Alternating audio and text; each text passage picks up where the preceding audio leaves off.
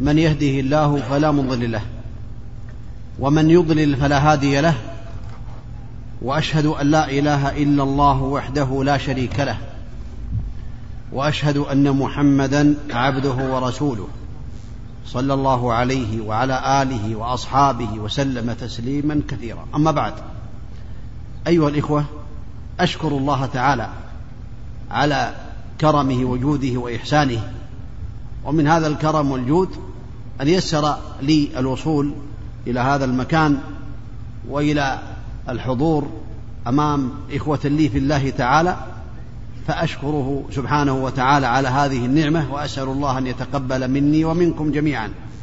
وأشكر جمعية إحياء التراث الإسلامي بفرع الجهرة على دعوتهم لي والثقه بي وأسأل الله تعالى أن يجعلنا وإياهم وإياكم هداة مهتدين غير ضالين ولا مضلين إنه على كل شيء قدير.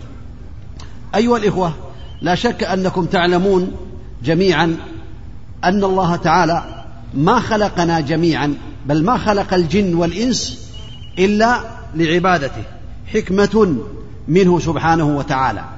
الحكمة التي من أجلها خلقنا الله تعالى هي عبادته. كما قال الله تعالى وما خلقت الجن والإنس إلا يعبدون ما أريد منهم من رزق وما أريد أن يطعمون. إن الله هو الرزاق ذو القوة المتين. فلا شك سكر هذا أو حطه على الصامت. فلا شك أن الله تعالى خلقنا من أجل هذه لهذه الحكمة لعبادته سبحانه وتعالى. وبين سبحانه وتعالى أن من قام بهذه العبادة لله له سبحانه مخلصا يكون سعيدا في الدنيا والآخرة. من عمل صالحا من ذكر أو أنثى وهو مؤمن فلنحيينه حياة طيبة ولنجزينهم أجرهم بأحسن ما كانوا يعملون. السعادة لمن أطاع الله وأطاع النبي عليه الصلاة والسلام. التوفيق والتمكين والعز لمن أطاع الله وأطاع النبي صلوات الله وسلامه عليه. ولله العزة ولرسوله وللمؤمنين. لا شك في ذلك. فالمسلم عليه أن يعلم ذلك. وأنتم تعلمون ذلك ولله الحمد. ثم عليكم أن تعلموا أن هذه العبادة لها أصول. أصول الإسلام. منهم من يقول أركان الإسلام وأصول الإيمان كذلك. فإن العبد المسلم إذا قام بأصول الإسلام كما يحبه الله تعالى ويرضاه فهو من الناجين في الدنيا والآخرة.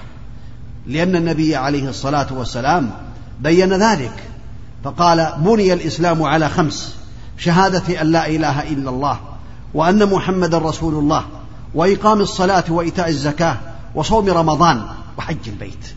هذه أصول بني عليها. البيت بني على هذه الأركان كما أن هذه الخيمة أو هذا المكان بني على أركان له أركان. فهذه الأركان الدعائم العظام التي يقوم عليها. من هدم ركنا من هذه الأركان فقد أسقط بعض الأركان ولا يتم إسلامه إلا بهذا إلا بتكميل الأركان. أول هذه الأركان شهادة أن لا إله إلا الله وأن محمدا عبد الله ورسوله عليه الصلاة والسلام. هذه أولها. ولهذا قال النبي صلوات الله وسلامه عليه أمرت أن أقاتل الناس حتى يشهدوا أن لا إله إلا الله وأني وأن محمدا رسول الله ويقيموا الصلاة ويؤتوا الزكاة. هذا من الأمور التي بينها النبي صلوات الله وسلامه عليه. فالأصل الأول هي الشهادة. معناها لا معبود حق إلا الله. أما من قال بأنه لا معبود في الوجود إلا الله هذا تفسير خاطئ لأن هذا يجعل أصحاب القبور وأصحاب الذين يعبدون الأولياء أو غيرهم يجعلهم آلهة من دون الله تعالى. فلا بد أن يقول لا معبود حق إلا الله. ذلك بأن الله هو الحق وأن ما يدعون من دونه هو الباطل وأن الله هو العلي الكبير. فالآلهة كثيرة لكن الذي يعبد بحق هو الله سبحانه وتعالى فلا بد من هذا. وهذه الكلمة لا بد للإنسان المسلم أن يحقق فيها أمورا. من هذه الأمور أولا أن يكون صادقا في قولها. يكون صادقا لأن المنافقين يقولون لا إله إلا الله ولكنهم يكذبون. ولا يعملون يقولونها بألسنتهم ولا يؤمنون بقلوبهم. ولهذا ثبت على النبي عليه الصلاة والسلام كما في صحيح مسلم أنه قال عليه الصلاة والسلام إذا قال المؤذن الله أكبر الله أكبر. وقال أحدكم الله أكبر الله أكبر. فإذا قال أشهد أن لا إله إلا الله. قال أشهد أن لا إله إلا الله. فإذا قال أشهد أن محمدا رسول الله. قال أشهد أن محمدا رسول الله. فإذا قال حي على الصلاة قال لا حول ولا قوة إلا بالله. فإذا قال حي على الفلاح قال لا حول ولا قوة إلا بالله. فإذا قال الله أكبر الله أكبر قال الله أكبر الله أكبر. فإذا قال لا إله إلا الله قال لا إله إلا الله من قلبه دخل الجنة. من قلبه صادقا من قلبه. وهذا فيه فوائد. الفائدة الأولى أن الإنسان لا تنفع هذه الكلمة إلا إذا كان صادقا. والفائدة الثانية مغفرة الذنوب فإن كثيرا من الناس حرم هذا الخير العظيم حرم. يسمع النداء النداء الله أكبر وهو يتكلم أو يسولف مع بعض الناس أو غير ذلك أو يبيع أو يشتري. وللأسف أن بعض الناس ربما يكونون من طلاب العلم في الغالب بعض الناس. لا أقول أنتم لكن أنا أعرف بأن بعض الناس من من يدعي العلم ربما يكون عندهم اجتماعات أو يعني آه، في بعض الأمور فيتكلمون والمؤذن يؤذن. أنا لا أقول هذا محرم ويأثمون لكنهم خالفوا سنة النبي عليه الصلاة والسلام وفاتهم هذا الأجر العظيم. لأن النبي عليه الصلاة والسلام قال فإذا قال لا إله إلا الله من قلبه دخل الجنة. هذا يدل على الصدق من القلب. وهذه الكلمة أو هذه الشهادة كذلك لا من الأمور التي يلزم أن يعنى بها الإنسان أن يكون مخلصا في قولها وفي العمل بها وإلا لا تنفع إلا بالإخلاص. ولهذا قال النبي صلوات الله وسلامه عليه في الحديث الذي رواه البخاري حينما سأله أبو هريرة قال يا رسول الله من أسعد الناس بشفاعتك يوم القيامة؟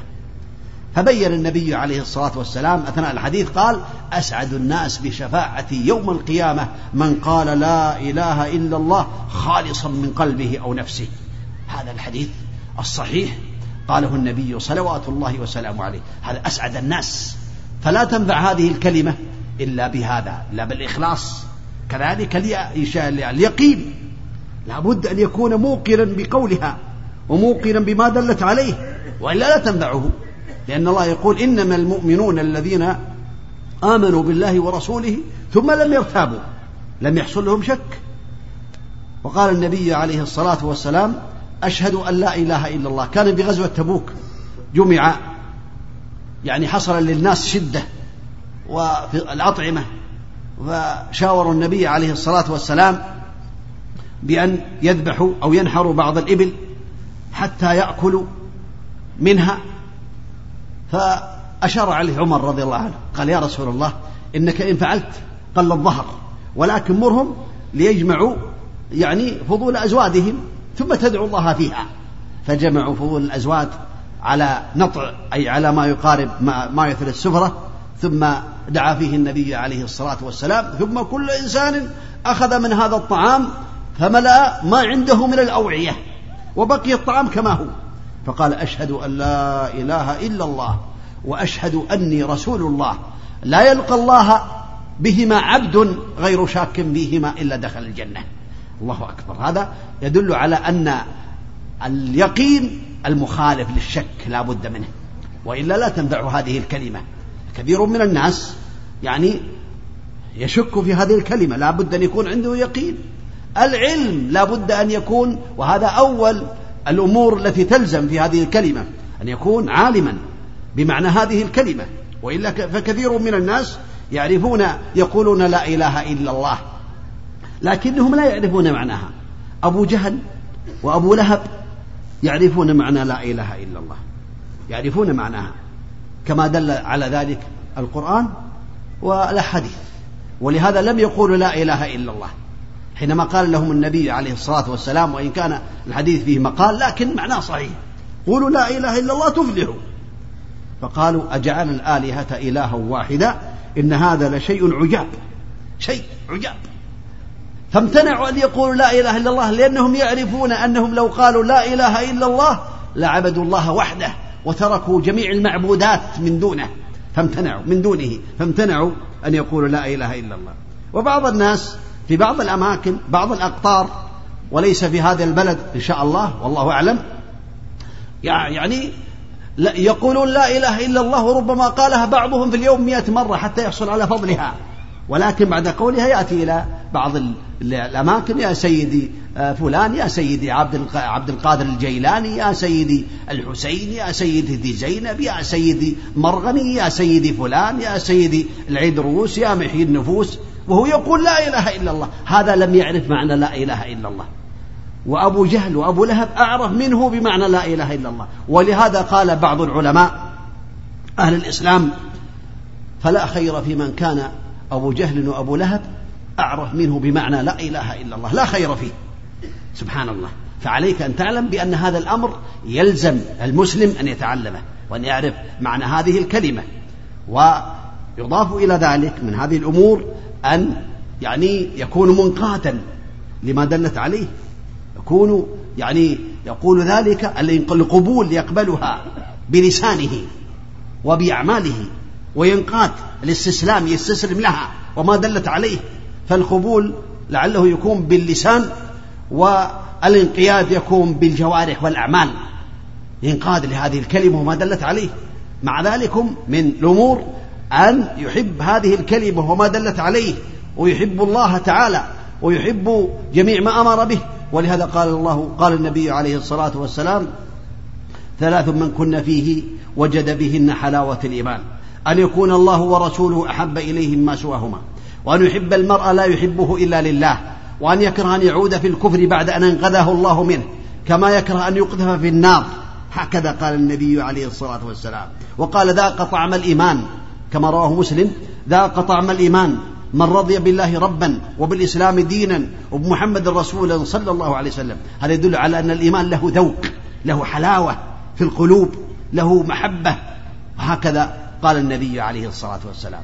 وكذلك من الأمور التي يلزم معرفتها في هذه الأمور التكذيب لمن ادعى بأن هناك أحدا يستحق العبادة من دون الله تعالى. ويقال له الكفر بما يعبد من دون الله. فمن يكفر بالطاغوت ويؤمن بالله فقد استمسك بالعروة الوثقى. ومعنى ذلك أن العبد المسلم إذا رأى من يعبد غير الله أو يستغيث بغير الله أو يذبح لغير الله أو ينظر لغير الله أو يعمل عملا من العبادات لغير الله يكفر بذلك بمعنى يعتقد اعتقادا جازما أنه على الباطل وأنه ليس على الحق. ولهذا ينبغي المسلم أن يتقن هذه الأمور في معنى هذه الشهادة. ثم شهادة أن محمد رسول الله هي جزء من شهادة أن لا إله إلا الله. لا تنفعه. لو قال هذه الكلمة وأخلص فيها وعمل بهذه اللوازم لها لكنه قال محمد عليه الصلاة والسلام هو رسول العرب العرب خاصة. هذا لا تقبل منه هذه الكلمة ولا يكون مسلما حتى يضيف إلى هذه الكلمة الاعتراف بل الاعتقاد الجازم أن محمدا ابن عبد الله ابن عبد المطلب الهاشمي القرشي العربي عليه الصلاة والسلام هو رسول الله حقا للجن والإنس لا نبي بعده عليه الصلاة والسلام. قل يا أيها الناس إني رسول الله إليكم جميعا. فهو الرسول عليه الصلاة والسلام خاتم الرسل صلوات الله وسلامه عليه خاتم الأنبياء والمرسلين صلوات الله وسلامه عليه. فلا بد أن يعرف معناها ولا بد أن يعمل بالمقتضى. إذا كان اعتقد بأن محمدا عليه الصلاة والسلام هو رسول الله حقا أرسله الله للجن والإنس بشيرا ونذيرا لا نبي بعده فلا بد أن يبرهن على ذلك يبرهن على ذلك بالمقتضى وهو أن يصدقه عليه الصلاة والسلام فيما يقول وفيما ينسبه إلى ربه سبحانه وتعالى وفيما يخبر عنه. تصديقه عليه الصلاة والسلام والعمل بشريعته عليه الصلاة والسلام تصديقه فيما أخبر العمل بما أمر عليه الصلاة والسلام وليجتنب كل ما نهى عنه عليه الصلاة والسلام ويعمل بشريعته ولا يعمل إلا يعبد الله إلا عن طريقة صلوات الله وسلامه عليه. اللهم صل وسلم عليه. فلا شك أن العبد إذا عمل هذا فإنه يستفيد من هذه الكلمة ويحصل على الثواب العظيم ويستحق قول النبي عليه الصلاة والسلام من مات وهو يعلم أنه لا إله إلا الله دخل الجنة.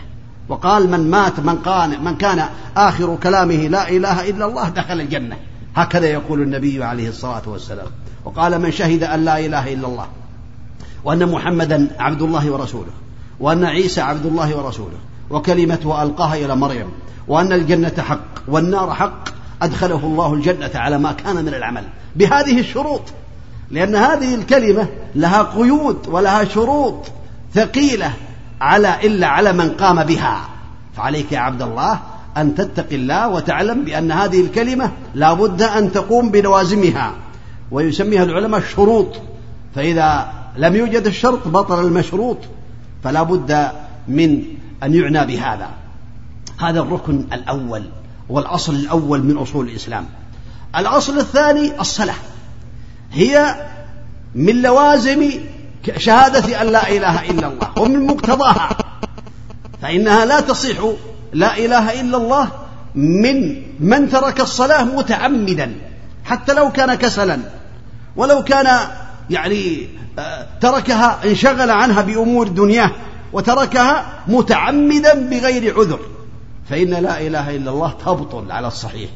لقول النبي عليه الصلاة والسلام بل لقول الله تعالى في آيات منها فإن تابوا وأقاموا الصلاة وآتوا الزكاة فخلوا سبيلهم. دل على أنه من لم يقم بهذه الصلاة لا يخل سبيله.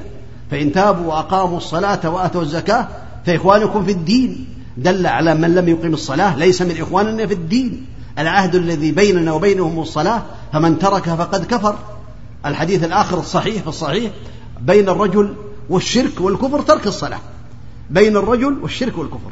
ذكر شيخ الإسلام ابن تيمية رحمه الله تعالى كما نقل عنه في آه، كتبه أن هذه التعريف إذا دخلت على الكفر فهو الكفر الأكبر. إذا دخلت التعريف على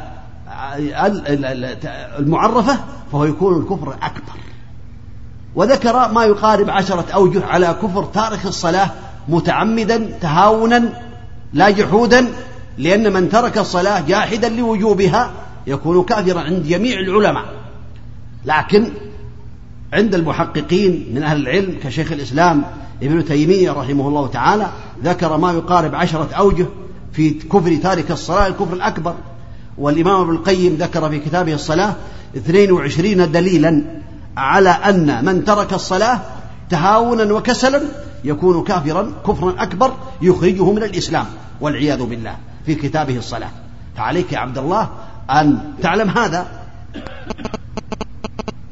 وهذا القول الحق القول الحق للأدلة الكثيرة التي سمعتموها أن الإنسان إذا مات وهو لا يصلي فإنه لا يصلى عليه ولا يدفن في مقابر المسلمين ولا يغسل ولا يقال رحمه الله ولا يرث ولا يورث يرث إذا مات يعني أحد قبله من أهله المسلمين ولا يورث ولا يعني آه، وزوجته كذلك لو ترك الصلاة وهو أثنى يعني في حياته وله زوجة مسلمة تصلي وتصوم فإنها تحرم عليه وكذلك لو عقد على زوجة وهو يصلي فالعقد باطل لأن الكافر لا يحل أن يزوج المسلمة.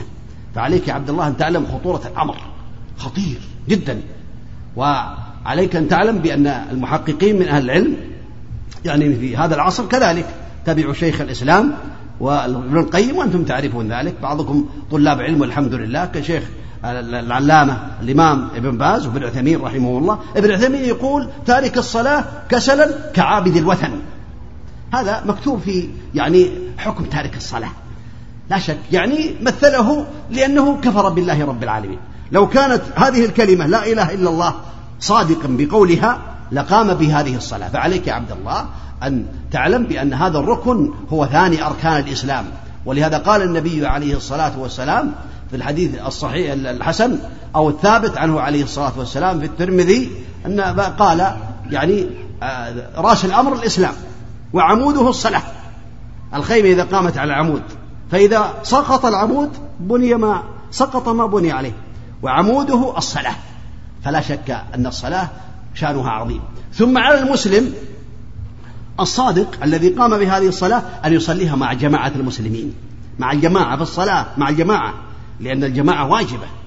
ومنهم من رأى بأن الصلاة مع الجماعة شرط في صحة الصلاة.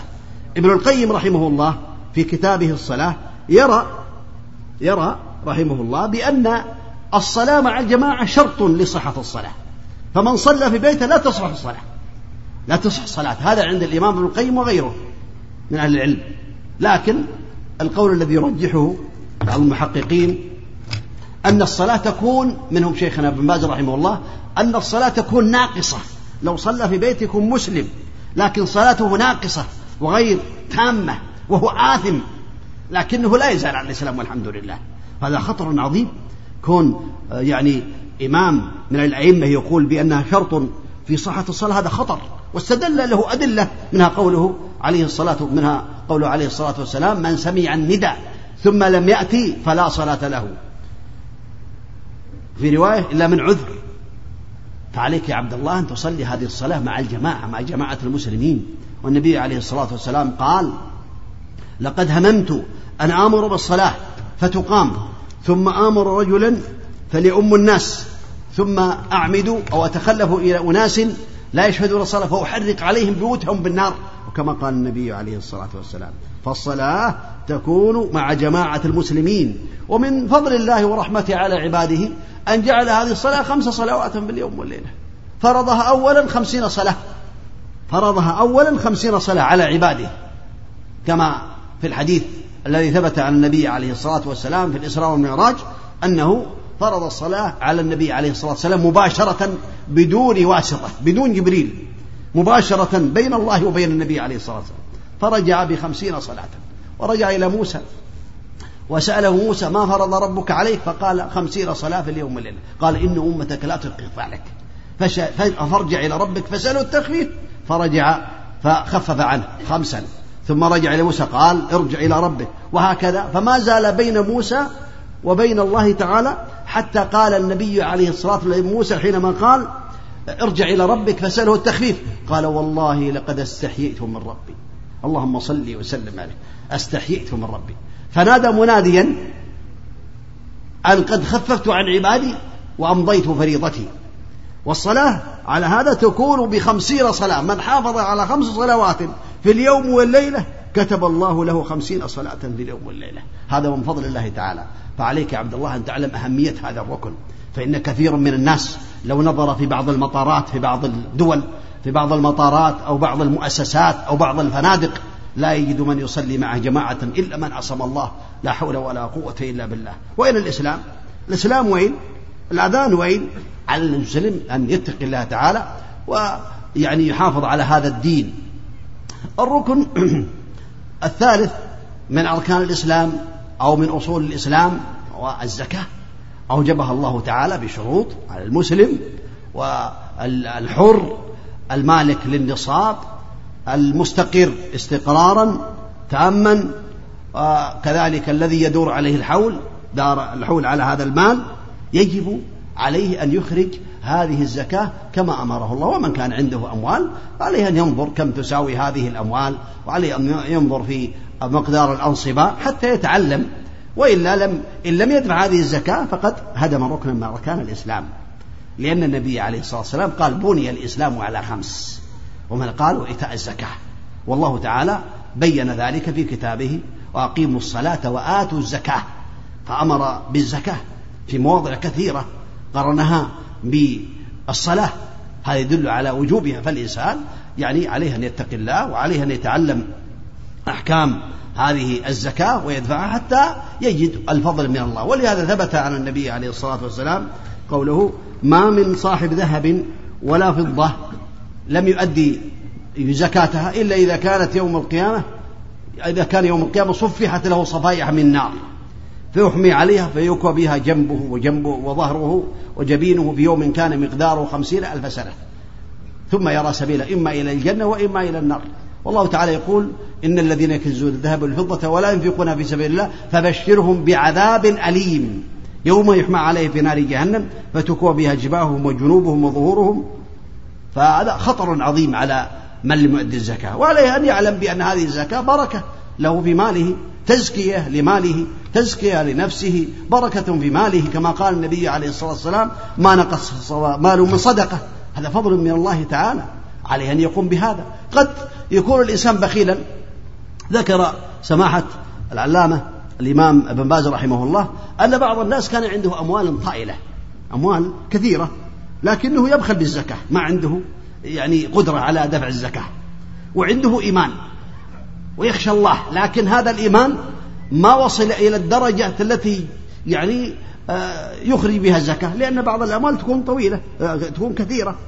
فإذا كان عند الإنسان أربعون مليون أربعون مليون. زكاة الأربعون تقسم على أربعين. الزكاة يعني طريقتها يجمع الإنسان ما عنده من المال ثم يقسمه على أربعين. يعني ربع العشر إذا كانت من هذه الأموال. كم الزكاة في أربعين مليون؟ مليون. كونه يخرج مليون يعني مال كثير. ما هذا يحتاج إلى إيمان قوي. قال سباحة الله يغفر له. قال فصاح هذا الرجل داخل بيته. أصدر صياحا عظيما يسمعه من خارج المنزل. صياح بأرفع صوته. فدخل الناس عليه يريدون أن ينقذوه مما حصل له. فقال يا إخوان ادخلوا هذه الغرفة الفلانية وأحصوا مالي وأخرجوا الزكاة. والله ما استطعت أن أخرجها. الله أكبر. وكان هذا قبل البنوك. قبل أن يحفظ الناس الأموال في البنوك هكذا ذكر لنا سماحة الشيخ غفر الله له. فبعض الناس قد يريد أن يخرج المال لكن الزكاة صعبة. وبعضهم لا يؤديها كما أمر الله. يعطيها أقربائه الأغنياء أو يعطيها أقربائه الذين يعني ينفق عليهم تجب النفقة عليه عليهم كأولاده أو والديه أو غير ذلك. فلا ينفقها لأنه يخرجها لله. يخرج الزكاة لله ولا يحابي فيها أحدا من الناس. يخرجها ابتغاء مرضاة الله يرجو ثوابه ويخشى عقابه. الخلاصة أن الزكاة أمر عظيم فينبغي المسلم أن يعنى بهذا الركن العظيم. الصيام صيام يجب على المسلم العاقل البالغ المقيم القادر الخالي من الموانع هذه شروط ستة. تجب على الصيام. يجب عليه الصيام إذا تحققت فيها وهو ركن من أركان الإسلام. فينبغي. وهو في في السنة مرة واحدة. رمضان صيام رمضان. ما لم يوجب على نفسه صياما آخر. كصيام الكفارات أو صيام النذر أو غير ذلك. الحج في العمر مرة واحدة. هذا تخفيف من الله تعالى. أن فرض الحج في العمر مرة واحدة. فإذا قام بهذه الفريضة سقط عنه هذا الركن. ولا يجب الحج إلا بشروط. شروط بينها العلماء الإسلام والعقل والبلوغ وكمال الحرية وكذلك الاستطاعة وجود المحرم للمرأة. الحمد لله. يسر الله على الناس. فبعض الناس ربما لا يحج لأن ما عنده استطاعة. ما اكتملت الشروط. المرأة لو لم تجد محرما يحج. لا من نسب ولا من رضاء لا يجب على الحج حتى لو ماتت. لقول النبي عليه الصلاة والسلام لا لا تسافر امرأة تؤمن بالله لا يحل لامرأة تؤمن بالله واليوم الآخر أن تسافر إلا مع ذي محرم. فلا شك أن هذه الأركان إذا قام بها الإنسان حصل على السعادة في الدنيا والآخرة ثم عليه أن يعلم بأن هناك واجبات أخرى غير واجبات الأركان والأصول. أصول الإيمان والأعمال الواجبات الأخرى التي أمر الله بها فإن الله إذا أمر بأمر أو أمر به النبي عليه الصلاة والسلام صار هذا الأمر واجبا على عباد الله كبر الوالدين والإحسان إلى الفقراء ويعني كف الأذى عن الجيران وغير ذلك من الأمور واجبات على العبد أن يقوم بها ابتغاء مرضات الله تعالى يرجو ثوابه ويخشى عقابه. وكذلك يحافظ على الأركان الأخرى كالإيمان والإيمان يدخل فيه كل شيء حتى أركان الإسلام.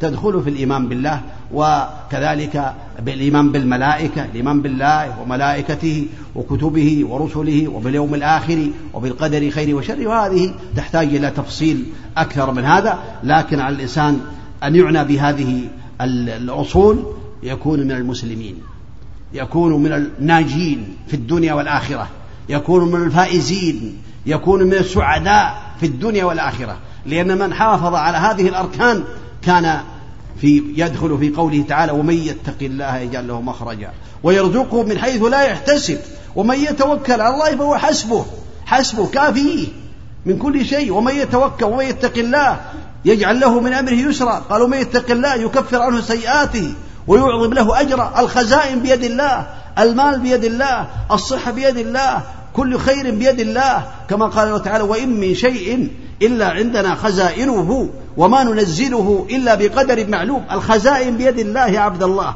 إذا أراد هذه الخزائن عليه أن يرضي الله حتى يحصل على هذا الثواب العظيم ويحصل على هذا الخير الكثير ولا أحب أن أطيل عليكم حتى يستفيد الإنسان من هذه الأمور باختصار لأن الإطالة قد يعني ينسي بعض الكلام بعضه بعضا. وإلا كان في نفسي أن أبين أركان أو أصول الإيمان وأنتم إن شاء الله تعرفونها لكن من باب التفصيل يحتاج لها يعني وقت آخر.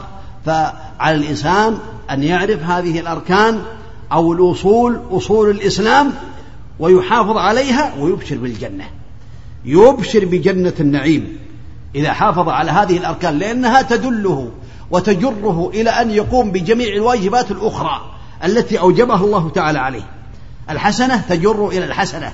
والسيئة تجر إلى السيئة فإذا حج حجا مبرورا دخل الجنة كما قال النبي عليه الصلاة والسلام. قال من أتى هذا البيت؟ في رواية من حج فلم يرفث ولم يفسق رجع كيوم ولدته أمه. قالوا في الحج هو الذي لم يخالطه إثم ولم يعقبه معصية من المعاصي. هذا هذا هو الحج. إذا معنى ذلك أنه يقوم بجميع الواجبات ويبتعد عن جميع المحرمات ابتغاء رب رضاء رب الأرض والسماوات. فعليك يا عبد الله أن تحافظ على هذا وتأمر بهذه الأركان من تحت يدك من نساء أو أولاد أو من ولاك الله تعالى أمرهم لأن هذا واجب. ولهذا قال النبي عليه الصلاة والسلام ما من راع يسترعيه الله على رعية يموت يوم يموت. وهو غاش لرعيته إلا حرم الله عليه الجنة. حديث صحيح عن النبي عليه الصلاة والسلام. خطر يدخل في ذلك والعياذ بالله. من ترك أولاده أو من ترك نساءه لا يصلون أو لا يقوم بأمر الإسلام أو يدخل عليهم ما يفسد عقولهم ويفسد دينهم من الأمور التي حرم الله أو حرم النبي عليه الصلاة والسلام من المزامير والغنى وغير ذلك. على المسلم أن يتقي الله تعالى. كن راعيا مسؤول عن رعيته كما بين النبي صلوات الله وسلامه عليه. أسأل الله تعالى بأسماء الحسنى وصفات العلى أن يوفقني وإياكم لطاعته وأن يجعلني وإياكم ممن يقولون بالحق ويعملون به. ابتغاء مرضات الله يرجو ثوابه ويخشى عقابه فإنها